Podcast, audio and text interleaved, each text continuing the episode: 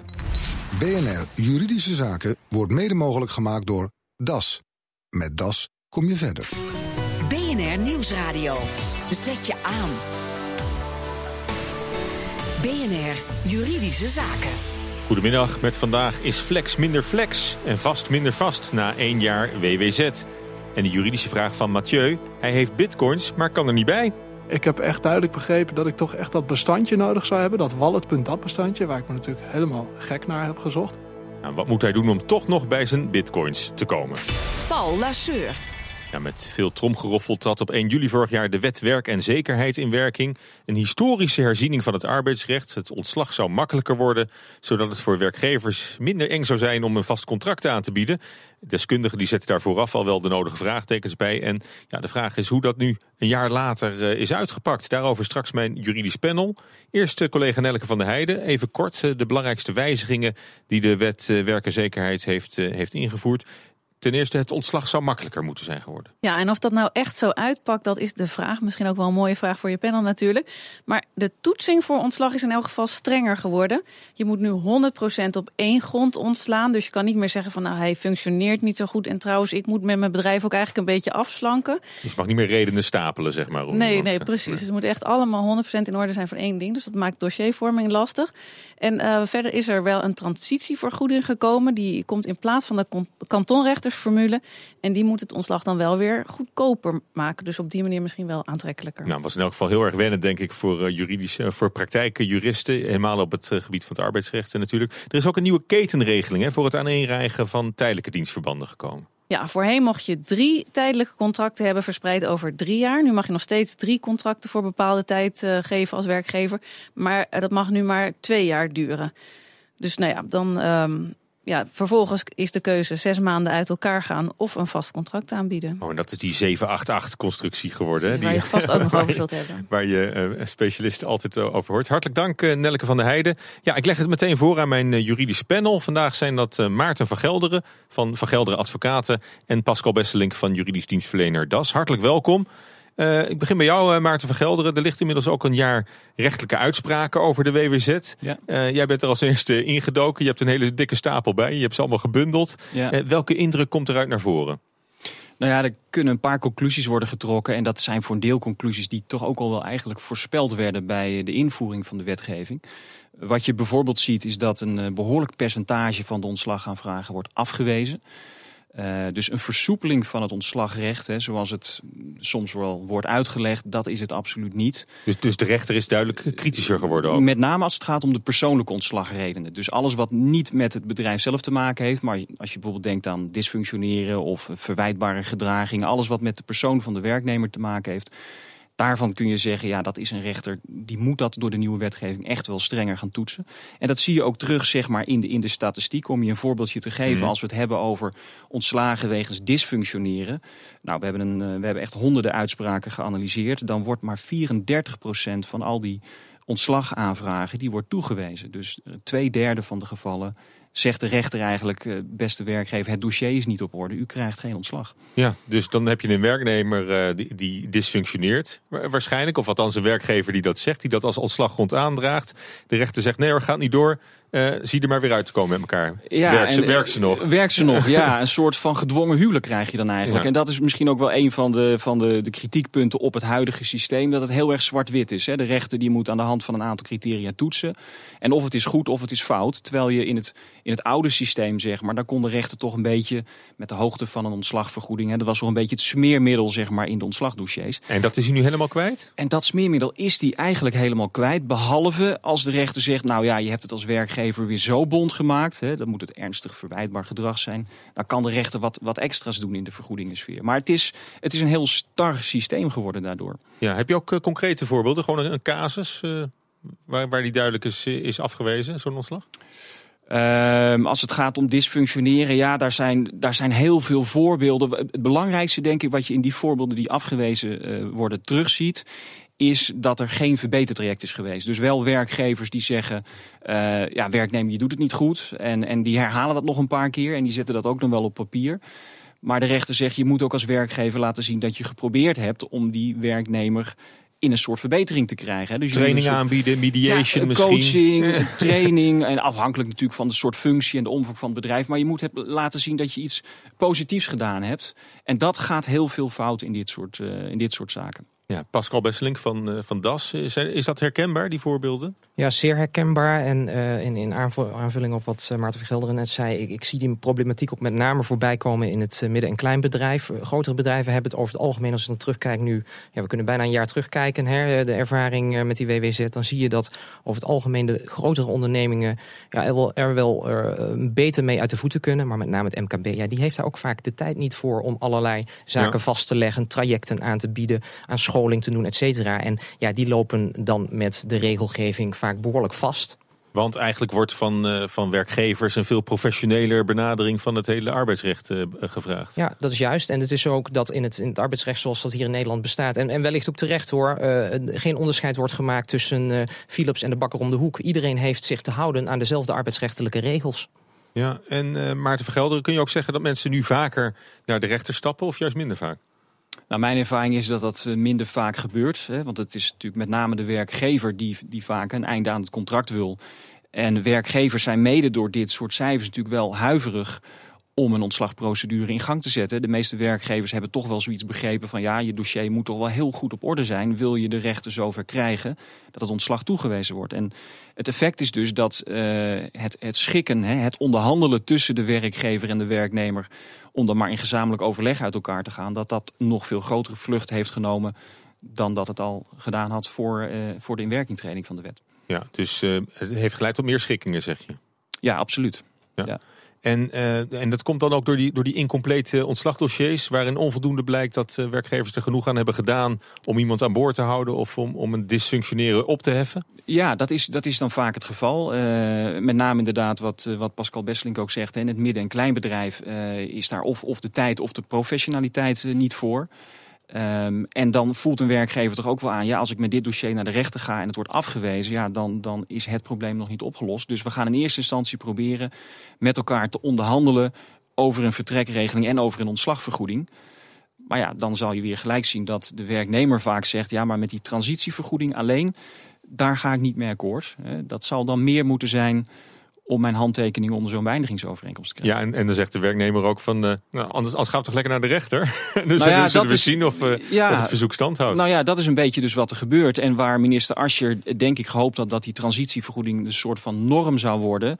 Zie je in de praktijk dat dat gewoon eigenlijk de ondergrens is. Hè. Daar beginnen eigenlijk de onderhandelingen. En afhankelijk van ja, hoe stevig is dit dossier of hoe, zwak is dit dossier, moet daar toch nog een flinke schep eh, bovenop vaak. Ja, eh, Pascal Besseling, grijpen eh, partijen toch nog terug op de oude kantonrechtersformule in dat soort gevallen? Eh, wel minder. Ik, ik, eh, Dat was, was in die overgangs, In die overgangsfase, net na, na na 1 juli, eh, zag je dat eh, toch wel regelmatig gebeuren. Eh, nu hoor je het wat minder. Alleen, ja, wat zie je nu terug? Nu zie je in onderhandelingen waar een werkgever van een werknemer af wil en geen dossier heeft, een werknemer zeggen van ja, ik wil best mijn handtekening zeggen, zetten onder die overeenkomst, maar dan wil ik twee keer de transitievergoeding of drie keer de transitievergoeding. En laat drie keer de transitievergoeding nou net de oude kantonrechtersformule zijn. Dus uiteindelijk wordt daar nog wel steeds over onderhandeld, maar echt het begrip kantonrechtersformule eh, als, als eh, eh, presentatie voor de, voor de vergoeding die men zou willen hebben, die zie ik in mijn praktijk wel steeds minder voorbij komen. Alleen, ja goed, je kunt ook gewoon een bedrag X afspreken of neerleggen, wat wellicht correspondeert met die oude kantonrechtersformule. Maar het Ja. begrip zie je wel langzaam aan, althans in mijn praktijk wel, verdwijnen. Ja, en wat je net zei vind ik ook interessant. Zie je ook een tweedeling nu tussen grote ondernemingen, corporates tegenover het MKB in, in hoe ze eigenlijk staan in het arbeidsrecht? Jazeker. En, en, en het is ook zo dat natuurlijk niet voor niets ook al in de wetgeving op enkele onderdelen wel een onderscheid is gemaakt tussen eh, de, de grotere en de kleinere ondernemingen. Er is een, een, een knik gezet bij eh, bedrijven van eh, 25 of minder werknemers, of eigenlijk minder dan 25 werknemers. Die kent een aantal uitzonderingen. Dat is natuurlijk niet voor niets gebeurd. Ook naar aanleiding begin van het jaar is er een eh, evaluatie geweest in de Tweede Kamer. Eh Asje heeft eh, de wet geëvalueerd en eh, aan de hand daarvan zijn overigens ook wel wat, wat kleine wijzigingen ook al doorgevoerd. Toen is ook wel aandacht gevraagd voor de problematiek voor de MKB, omdat hij met een aantal zaken gewoon Ja. worstelt. En ja, met een aantal regels ook niet echt goed uit de voeten kan. En, is daar dat- lijkt wel is voor te zijn. Is dat nu beter of eh, vraagt dat eigenlijk om een verdere aanpassing nog? Nou, het is zo dat de aandacht voor de dossiers die zal eh, ook het MKB moeten krijgen, voor zover dat er al niet is. Eh, en, en daar waar het MKB niet met bepaalde regelgeving geconfronteerd mag blijven worden, zie je wel dat er wat gebeurt. Dat, dat als je ook wel bereid is om daar ja, oog voor te hebben. En dat, ja, dat gaat heel langzaam, maar je ziet daar wel wat beweging. De WWZ leidt dus tot meer schikkingen, maar komen ook meer vaste contracten eruit voort. BNR Nieuwsradio. Zet je aan. BNR Juridische Zaken.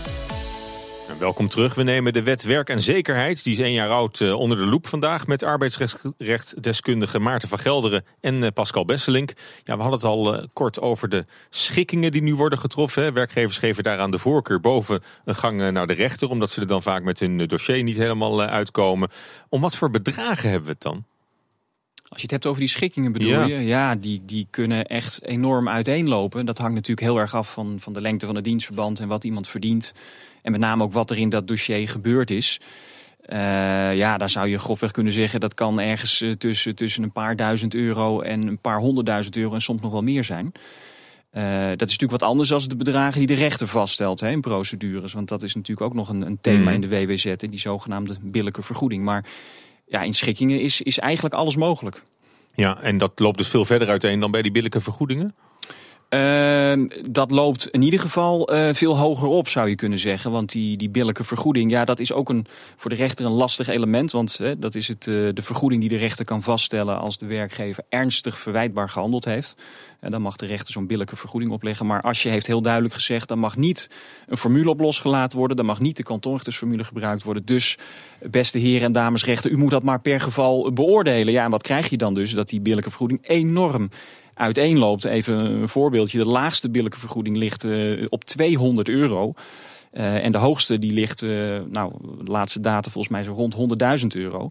En, en hoe verklaar je die angst van, van Ascher om, een, om een, dat er een formule zou komen? Want dat geeft ook wel wat helderheid, zou je zeggen. Ja, nou dat is precies het dilemma waar, we, waar arbeidsjuristen dus mee zitten. Van zo'n formule kan helderheid geven. Maar als je wilde natuurlijk af van die kantonrechtersformule. Hè, dat was natuurlijk ook met name de werkgeverslobby. Die zei het is allemaal veel te duur. En als je was toch bang, ja, als we nou weer een formule maken, dan wordt het een soort kantonrechtersformule 2.0. Dus dat moeten we niet hebben. Dus we laten die rechters dat zelf doen. Ja, de vraag is hoe lang dat houdbaar is. Want op een gegeven moment zou je natuurlijk kunnen zeggen... voor de rechtszekerheid is, is natuurlijk ook niet meer uit te leggen... dat, dat rechter A een, een, een lage billijke vergoeding toekent... en rechter B een- daar een veel hoger bedrag eh, aan vastplakt. Ja. Pas, Pascal Besselink, hoe, hoe zie jij dat? Die enorme uiteenlopende vergoedingen die, die worden toegekend? Nou ja, het, het werkt rechtsonzekerheid in de hand. Eh, eh, als je heeft vooral gezegd wat je niet mag. Je mag geen formules erop loslaten. Dat heeft inmiddels ook al wel in een aantal gevallen. Het is wel de minderheid, want het gros van de rechters houdt zich keurig aan de regels. Maar in een aantal gevallen al wel tot wat rechterlijke ongehoorzaamheid geleid. Zo is er recente kantonrechter geweest begin van het jaar. Die heeft gezegd van ja, ik kan met het mij gegeven instrument kan ik eigenlijk niks. Dus ja, die was eh, dwars. En die eh, lichtte toe dat uiteindelijk een ander instrument, en laat dat nou net de kantonrechtersformule zijn, uiteindelijk wel een werkbaar instrument is. Dus dat bevestigt ook dat niet alleen ja, de, de, de, de arbeidsjuristen die eh, werknemers en werkgevers bijstaan in procedures hiermee worstelen, maar ook de rechterlijke macht zelf. Ja, dat is duidelijk. We hebben het ook over de ketenregeling al even gehad. Hè? Die stipten we even aan. Eh, je moet wer- werkgevers moeten sneller een vast contract eh, aanbieden. Dat was althans de, de bedoeling. Eh, hoe pakt dat uit, eh, Pascal Besselink? Is, is, is daar al iets over te zeggen? Want uiteindelijk weten we dat natuurlijk pas over een jaar hoe dat uit gaat pakken. Ja, dat is, dat is waar, maar eh, je kunt denk ik al wel voorzichtig wat conclusies hieruit trekken. En ik denk dat de, de- dat, dat de conclusie wel getrokken kan worden dat die doelstelling tot heden niet is waargemaakt. Dus dat eh, ja, de, de, het uitgangspunt dat eh, eh, werknemers sneller in aanmerking zouden komen voor een vast contract, dat dat op dit moment gewoon niet het geval is. En dat heeft natuurlijk alles te maken met, ja, we hadden het net uitgebreid over het ontslagrecht, met ja, het, het, het uitgangspunt dat het gewoon lastiger is geworden om, als je dan die werknemer voor onbepaalde tijd in dienst hebt, om daarvan afscheid te nemen. En als je dat dan doet, dat je ook nog eens een keer, hoe dan ook, verplicht bent om die wettelijke transitievergoeding te betalen. En dat maakt, dan kom je terug op het MKB, dat maakt met met name het MKB ook terughoudend bij het aanbieden van arbeidsovereenkomsten voor onbepaalde tijd. Dat, dat is inmiddels ook wel aan de hand van diverse onderzoeken vastgesteld. Want ontslag is alleen maar moeilijker geworden. Nou ja, dat wordt, wordt in ieder geval wel zo ervaren, hoe dan ook, in de uh, ontslagzaken waar het gaat om persoonlijke redenen. Op het moment dat het gaat om een, om een reorganisatie of uh, ontslag na twee jaar ziekte, wat ook weer eigen dynamiek heeft, uh, ligt dat wellicht wat anders. Maar ja, een gros van de zaken gaat natuurlijk om individuele redenen. Ja, en daar, daar is de ervaring gewoon dat het gewoon niet makkelijker is geworden. Nee, het is er niet makkelijker op geworden. En is dat ook de, de conclusie die je moet trekken als je gewoon terugkijkt op één jaar WWZ? Alles overziend. Het is er niet makkelijker op geworden. De rechtsonzekerheid is, is groter geworden. Ja, of, of, of, is er ook wel iets goeds uit nou, laten we, laten we minister Asje ook nog een complimentje geven. Want anders wordt het misschien uh, wat, wat erg negatief over de WWZ. Wat, wat je in ieder geval mee kunt geven is dat die, die, die rare tweedeling tussen de ontslagprocedure bij het UWV... waar geen ontslagvergoeding betaald hoefde te worden... en de, de ontslagprocedure bij de kantonrechter waar dan wel een, een bedrag betaald moest worden... dat, dat die, uh, die oneffenheid is opgeheven. Dus daar zit wel een, uh, zeker een pluspunt in. Maar ik denk dat er toch nog wel heel wat reparatiewerk te verrichten is. Ja, en één ding. Hebben de werkgevers of de werkgevers, uh, de werkgevers of de werknemers dit gewonnen uiteindelijk? Wie, wie, is er het meest mee opgeschoten? Heel, heel korte reactie. Ja, heel kort. Ik denk niet dat je echt over winnaars en verliezers kunt spreken. Maar als ik dan toch een van de partijen zou noemen, zou ik zeggen dat de werknemer eh, meer de winnaar is van, dit, uh, van deze wijziging dan de werkgever. Nou, dan sluiten we het daarmee af. Hartelijk dank Pascal Besseling van DAS en Maarten van Gelderen van Gelderen Advocaten. Hartelijk dank. BNR Juridische Zaken. Een dikke 600 euro krijg je op dit moment voor een bitcoin, maar daar moet je er wel bij kunnen. En daar is een walletbestandje vrij essentieel voor, merkte Nelker van der Heijden. Mathieu, een tijd terug eigenlijk op het goede moment bitcoins gekocht. Hoe is dat toen verder verlopen? Ik heb ergens in 2011 heb ik eh, een stuk of 12 bitcoins gekocht voor volgens mij 15 dollar per stuk. En uh, eigenlijk uh, laten staan, uh, niet naar gekeken. Tot op een gegeven moment de koers rond de 100 dollar lag. Toen dacht ik, hé, hey, ik ga er eens een paar verkopen. Dus toen heb ik er eigenlijk vijf verkocht. De rest weer laten staan. En toen kwam de koers wel heel interessant hoog, namelijk rond de 1000 dollar. En toen dacht ik, hé, hey, ik ga die andere zeven bitcoins ook verkopen. Maar dat is niet gelukt. Hmm, waarom is dat dan niet gelukt? Nou, het bleek dat ik uh, een benodigd bestandje, namelijk het wallet.dat bestand, kwijt was geraakt. Hoe kan je dat nou kwijtraken? Ja, die stond op een laptop van mijn toenmalige werkgever. Uh, wist ik eigenlijk ook niet dat hij daar was opgeslagen. Blijkbaar uh, sloeg dat Bitcoin-programma dat zo ergens op een C-schijf op. En toen ik daar weg was, heb ik die laptop natuurlijk niet meegenomen. En daar was ook geen backup meer van. Dus nu, heb je nou nu nog wel wat aan die Bitcoins? Ik weet waar ze staan in de blockchain. Ik heb zeg maar een adres waardoor ik kan zien van hé, hey, die, die zeven bitcoins, die zijn er nog. Ja, wat mij betreft zijn ze van mij. Maar ik heb echt duidelijk begrepen dat ik toch echt dat bestandje nodig zou hebben. Dat wallet.dat bestandje, waar ik me natuurlijk helemaal gek naar heb gezocht. Op mijn eigen backups, maar helaas, die heb ik niet meer. En blijkbaar kan ik het nu dus niet meer eh, downloaden of niet meer krijgen of verhandelen. Dus nu is het toch wel leuk om te weten hoe je toch op een of andere manier weer aan die bitcoins die nu eh, behoorlijk wat waard zijn kan komen. Ja, inmiddels begint uh, na een uh, flink dal de koers weer richting de 700 dollar te gaan. Dus ik dacht, ja, de, misschien toch nog de moeite waard om eens uit te zoeken hoe dit nou eigenlijk zit, juridisch gezien.